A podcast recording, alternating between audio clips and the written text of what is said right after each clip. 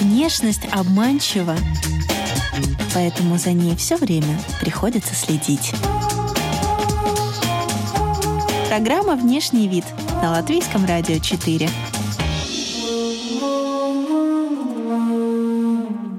Здравствуйте, дамы и господа! Вы слушаете радиопрограмму и подкаст о красоте и моде «Внешний вид». Здесь мы изучаем влияние внешнего вида на все сферы жизни героев, знакомимся с новыми трендами и отвечаем на такие вопросы, о которых вы раньше никогда не задумывались. Приглашаем и вас а, присоединиться к этому интересному опыту. У микрофона Алиса Орлова. Далее в выпуске вы услышите. С детства мне нравились сказки. Самый большой экран 5 на 7 метров. И пошита, по моему желанию, не как традиционная э, юбка, но э, такой более диор. Было ощущение, что есть период, когда ты проходишь даже через все герои. Ты можешь прочувствовать себя как Лейлвардис, Кокнес, Кангарс, Дитерих, Лачуплайсис, Лаймдота и так далее, и так далее. С нами сегодня сценограф современной постановки знаменитой рок-оперы «Лачплесис», премьера которой состоялась в Лиелварде этим летом, а 11 ноября оперу покажут по латвийскому телевидению. И в гостях художница, сценограф Кристина Кутепова. Привет! Приветствую всех. Кристин, вот помоги разобраться, как приглашают художников, чтобы те стали уже полноценными сценографами? Как это происходит? На самом-то деле неожиданно, но, как мы знаем, неожиданности не бывает, потому что у каждого есть какой-то определенный путь, который приводит э, к очередному волшебному проекту. И здесь получилось так, что в феврале мне звонила Резия Калмани, поскольку мы уже сотрудничали. У нас были две спектакли. Э, было «Звайгжню заглядайлась» театр и «Драгоценные камушки жизни», которые до сих пор происходят э, в театре имени Чехова. И здесь, получается, был звонок с, просто с, э, ты будешь моим сценографом на рок-опера «Лачу пластись». Пожалуйста, смотри материал. И я была, конечно, я не могла сказать ни нет, ни да. Я, конечно, была волнована и удивлена. И, конечно, э, было очень хорошо, что Рейзи дал зеленый свет и сказала, что я хочу именно твой космос. И для меня это было такое, а, фу, ура! В твоем я... космосе много зеленого. Вот, извини, я перекину этот мостик. Ты сегодня в очень ярких, насыщенных э, оттенках Жизнь, э, жизнеутверждающий цвета. Э, цвет, да. Зеленый, конечно, он на самом-то деле в природе у нас очень много. Космос, он определял те цвета, с которыми ты будешь работать во время подготовки сценографии, или уже режиссер, увидев их, твои краски, твой характерный почерк пригласила тебя? Я думаю, и то, и другое потому что, конечно, был этап, когда я сама выучала тему, и кто, кто для меня был, э, я, я искала аналогии в природе, кто был э, Лач Плазис для меня. И это совпало с тем, что как и режиссер видела Э, это все, как оно должно быть. И это действительно помогло, что я могла быть собой, и мне не надо было себя ломать. И я понимаю, что это самое главное, потому что когда делаются такие огромные работы, надо доверять художнику или выбрать другого, в котором э, видение э, доверия происходит. И тогда рождается что-то иное, э, что можно будет увидеть. И еще я поняла, что с детства мне нравились сказки. И я чувствую, что эта параллель сказочности, она э, втекла и в рок-оперу. Хочешь не хочешь, от тебя никуда не денешься. И поэтому там, там действительно эти все яркие сочные краски, а также когда есть какие-то драматические моменты, тогда, конечно, и визуально э, это можно достичь и показать зрителю, и он понимает, что ой-ой-ой, что-то там сейчас будет. Премьера современной постановки была в Лелвардском парке. И несмотря на июль, все равно погода вас успела удивить, то есть пошел дождь. Удивительно, потому что ощущения были такие, которые я уже, по-моему, даже прежде тебе говорила и зрители, что это такая сильная постановка, что она сама себе делает.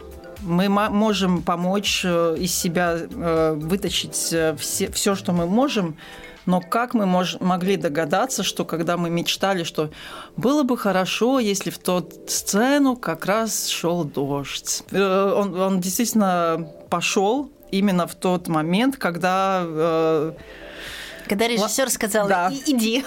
Где наш чайник? Кто будет поливать дождь? Да. Но, в принципе, техническими какими-то решениями можно было этот дождь искусственным Конечно, образом. были, были бы какие-то э, храбрые люди, которые это делали, но это не было бы... Не, это не, на самом деле это было невозможно, поскольку это было в природе. И то, что Оскар делал со светом, мы не могли всю территорию полить водой. И именно этот момент будет виден в пятницу. Именно в этот день они как раз снимали, да, и это покажут зрителям. Да, да, да. Поэтому да, это уже не повторить. Но только если с природой договориться. Вообще эпос основан на народных э, сказаниях.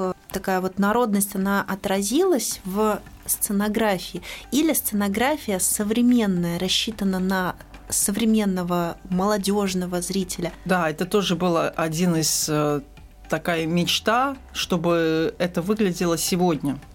Когда мы получили одобрение, что действительно будет экраны, то, конечно же, все, все это происходило гораздо серьезнее. И когда еще артист Зерве э, дал согласие, что он будет оживлять это все, то, ну, естественно, это уже другой рассказ, и что связано с сценографией, я хотела сделать среду, где будет жить герой. И, и Дана Домбровская или Анна Муна, как она себя э, называет, можно найти по оба названия, она делала именно костюмы. И когда мы друг другу отсылали, вот здесь у нас будет сейчас э, эта сцена, какой у тебя наряд, или наоборот, мы понимаем, что, о, они начинают жить именно в этой среде. И это опять был один момент э, волшебства, что они совпали, потому что у меня краски достаточно яркие.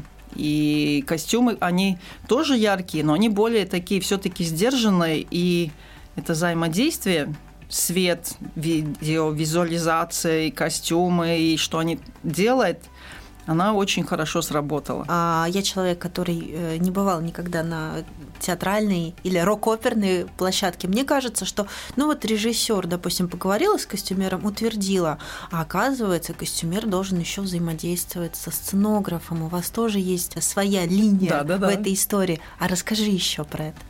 Э, на самом-то деле мы все взаимосвязаны.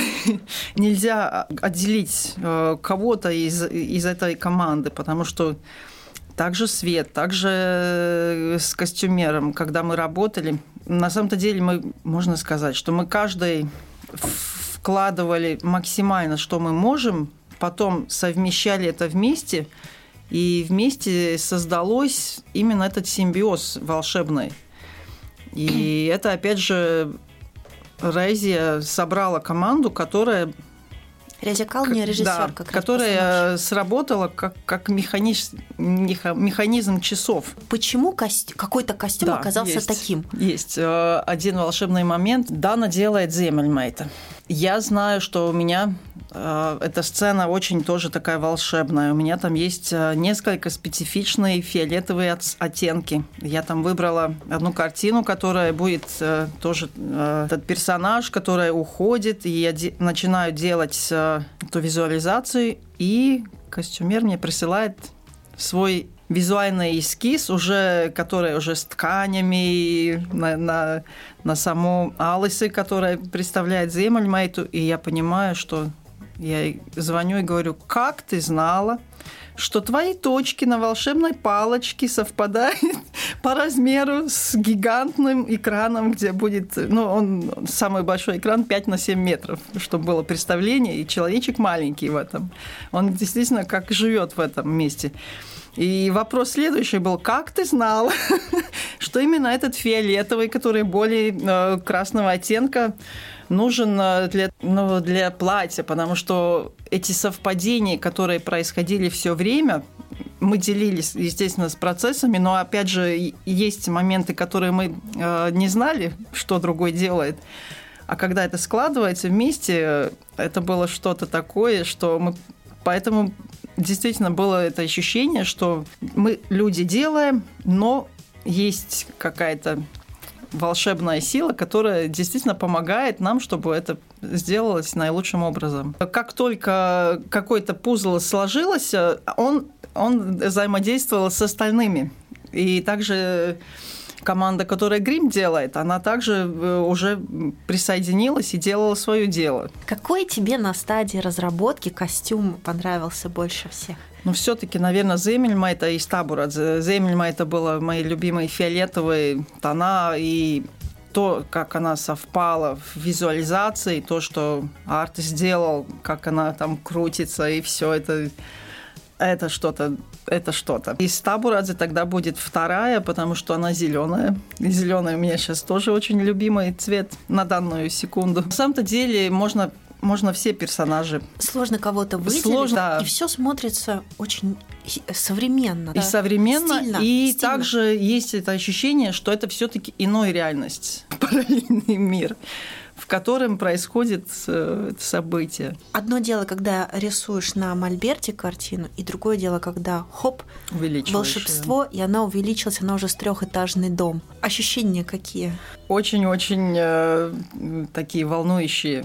Это еще так мягко сказано, потому что мое дело было сделать так, чтобы если есть сцена, где люди что-то делают, чтобы было ощущение, что они там находятся. Это означает, что горизонт должен, быть, должен совпадать с людьми. Он не может быть выше или ниже. Э, также у нас есть сцена свадьбы, где получается, что они плавают как будто в лодках. Потому что еще надо отметить, что в сценографии был еще один персонаж в команде э, э, Нормонс, который делал конструкции, придумал, что там такие мобильные конструкции, которые меняются по, по разным сценам. И там было тоже... Ну, на самом-то деле надо, когда ты это делаешь, надо ощущать, какие пропорции будет. И когда габариты. я габариты, когда я увидела, что они были правильно выбраны, конечно, я так вздохнула, что фу, но опять же, я могу сказать спасибо Артису, который очень большой профессионал и мастер в, этом, в этой сфере, поэтому Думаю, Но это... продвинутые технические решения да, были показаны. Конечно, да? поэтому не, не без этого, что действительно команда сильная, и все сложилось. В чем ты была на премьере? О, там я была как маленький Лачу Плейсис. Я действительно приобрела какой-то такой визуальный образ я была... У меня волосы были распущены, но они были в гофре все. Значит, уже как такая э, пушистая голова, потом э, мохнатый болеро кофточка э, темно-зеленая, более теркизовая, и национальная юбка, которая плетена здесь, в Латвии, и пошита по, ему, по моему желанию не как тради национальная э, юбка, но э, такой более диор. Нежно-голубая с красными сердечками. К сожалению, я уже сейчас не помню, из какой части Латвии, потому что у каждой части Латвии есть свой орнамент. характерный орнамент. Да. Но вот, вот такой. И, по-моему, даже была маленькая корона тоже на голове. А ты ткань для юбки заказывала из какого-то региона или это Я ее увидела винтажных... и поняла, что я хочу эти э, сердечки, и к тому же он еще выворачивается. Если его вывернуть, он будет э, такой э, желто-красный кирпичный цвет. А это из винтажных сундучков или это современная Сегодня вариация, уже сплетено, да, да, да, да, угу. да. Видишь, рок-опера было на улице. Я поняла, что надо одеться так тепло, чтобы э, я могла сидеть два часа. Как цвет помогает передать персонажа и происходящее, драматургию? Очень хорошо. Естественно, когда я делала, э, основная работа у меня была на планшете формата А4, классический. И я делала рассказ. Э, я рисовала сцену по сцене, э, понимая, что, ну, например, самое начало у нас созвездие начинается Мазайс Лацис, маленький медвежонок, где у нас полярная звезда. И это тоже, этот путь, как развивается рассказ, конечно, был создан вместе, когда мы читали Э, мы читали и эпос, но в основном э, рок-оперу, и мы понимали, что в, в каждом случае происходит. И потом э, с этими словами, можно сказать, целя Майза, тогда уже была моя работа. И дальше уже как это показать, потому что когда было условие, что будет хочется солнце, чтобы вас, вас вошла, зашла, Э, то с этими должно начинаться. Но перед Солнцем всегда есть э, звезды. Мы видим действительно эту полярную звезду, которая символически означает медведя. И так по шагам у нас э, получается восход солнца. Потом я, я придумала, что надо, чтобы природа рождалась в этом космосе. А потом все это идет хорошо, хорошо, а тут уже у нас уже идет Э, тоже злые силы и как их показать. И поскольку я выбрала, что у меня лачу плайсис – это стабуракс, то я поняла, что мы будем его утапливать. И таким образом мы превращаем э, всю эту хорошую э, природу в подземный мир, что было тоже один из, одна из установок, что мы в подустороннем мире, подводном мире, в ином мире – и так с красками мы делали все это, и также не только с красками, но и с э, оживлением. Анимация тоже много что дала, что мы можем наблюдать, что когда Лачу Плайсис утонул э, и очнулся Стабурадзе ее э, спасла, то мы можем наблюдать, как, как этот камень тонет, мы можем наблюдать, как, как этот мир оживляется. Или еще одна волшебная сцена, когда э, будет драка э, с драконами, как э, сценография, свет и хореография вместе работает. Опять что-то такое. И много метафор, правда? Много, очень. И сегодня это гораздо важнее, потому что нам важно понять их, и мы каждый будем воспринимать по-своему. Поэтому я тоже благодарна, что это есть на пленке запечатлено, потому что через какое-то время, просматривая еще раз, вы увидите что-то другое. И каждый раз он э, раскрывается больше и больше. И в, в этом ценность. А ты в записи уже видела или тоже премьера для тебя будет? Было маленький черновик, но который я все все-таки я не могу даже мне нет впечатления, как будет э, финальный монтаж, поэтому для меня тоже будет примера в пятницу буду смотреть и с волнением, как да. как как это сделано. То, что я могу раскрыть, это то, что будет и кадры с дроном. И поэтому мы сможем ощущать всю эту мощь, как, как, как она была с неба тоже. Скажи, сколько раз тебе нужно было прослушать рок-оперу э, в момент рисования картин? Ну, как сказать? Слушала Полгода я с ней жила. И сейчас, я, сейчас она мне уже в голове не звучит, но было время, что мне какие-то фразы все время приходят на ум или, или если есть какой-то поиск э, очередной кадровки, что бы там случалось, то, естественно, я именно эту часть слушала. И опять в какие-то моменты появляется идея, а, здесь будет вот это. Да.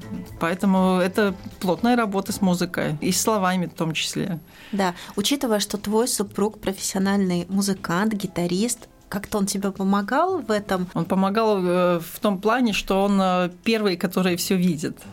И по нему я могу понять, какая будет реакция.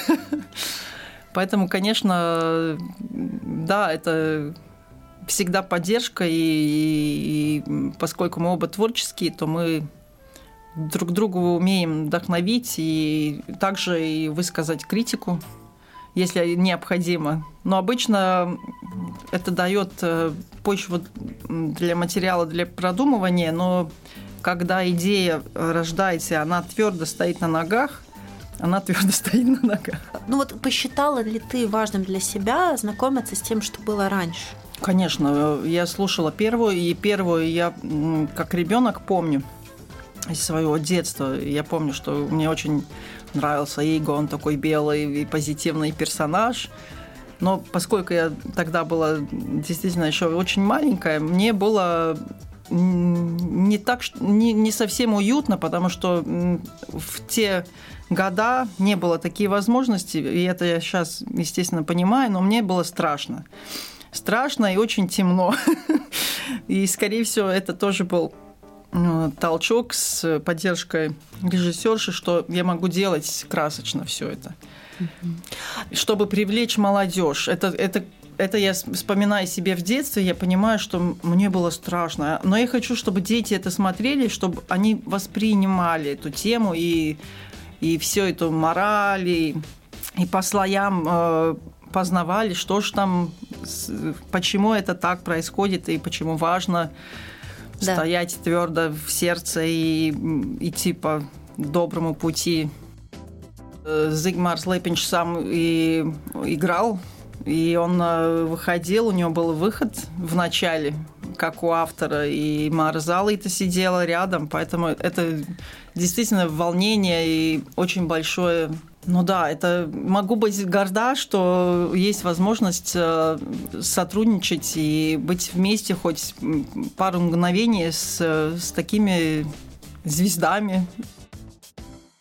Конечно, э, было что-то, что меня вдохновило, и и я понимаю, что э, мы не находимся в, очень теплых странах, где мы можем нырнуть и смотреть эти красоты. Поэтому я поняла, что здесь э, тоже есть поле для фантазии. Поэтому этот подводный мир, он э, нереально реальный. И это дало, дало возможность все-таки заново придумать, как бы там можно было выглядеть и что, что бы там происходило, если бы мы там э, окунулись. Э, но как какие-то толчки, конечно, если из мировой э, визуальной какие-то при, при, примеры смотреть, то один это был аватар, который тоже работает под водой.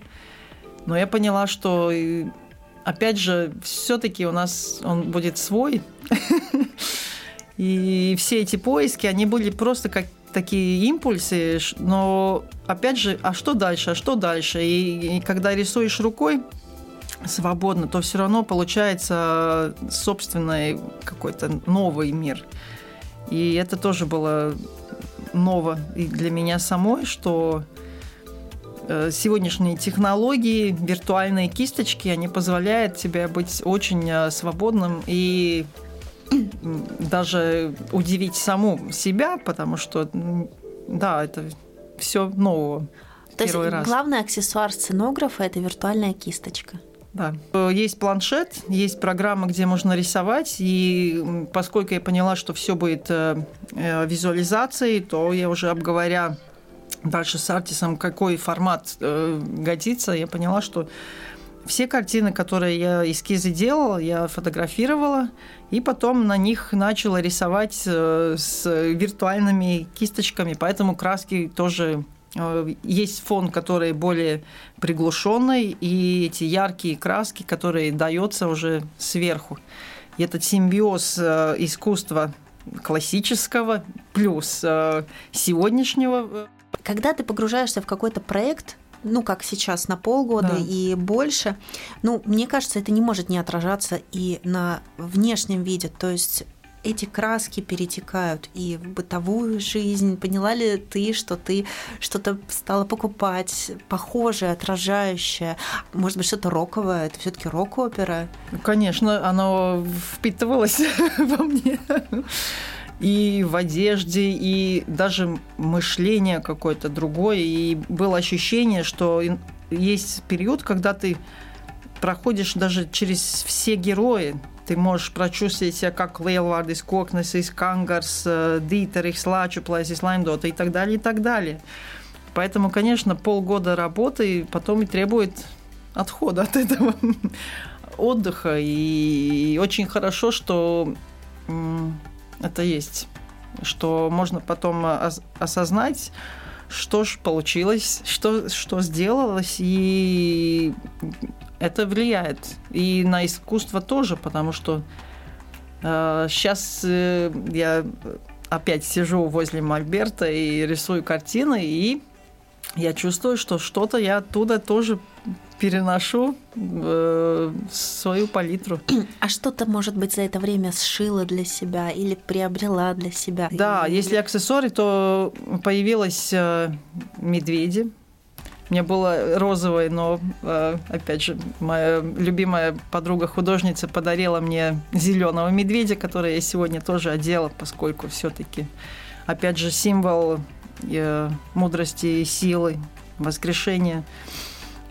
И он живет у нас в Латвии, в конце концов, поэтому, да, наверное, медведь э, или даже это в образе звезды, созвездия, он тоже вошел ко мне. А, и, кстати, да, я, я купила одно платье, которое очень по краскам, как первая сцена, когда восход солнца идет.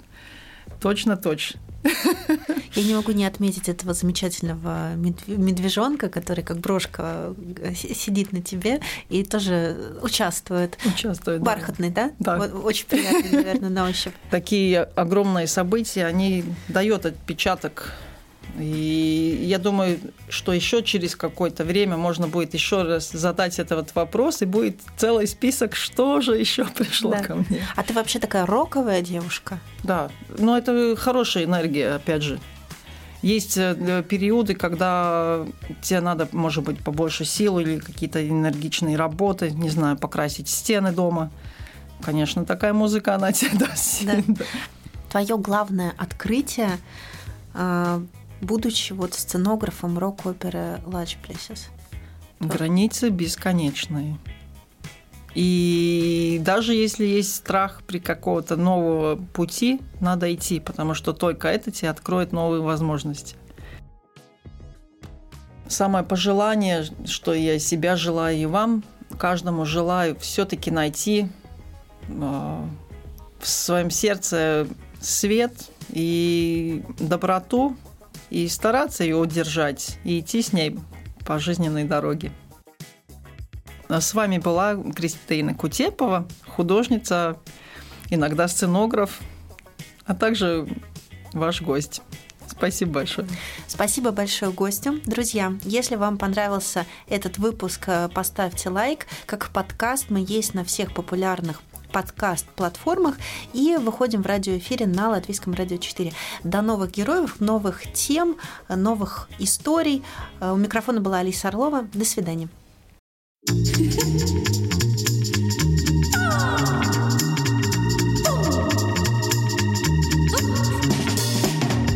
Внешность обманчива, поэтому за ней все время приходится следить. Программа «Внешний вид» на Латвийском радио 4.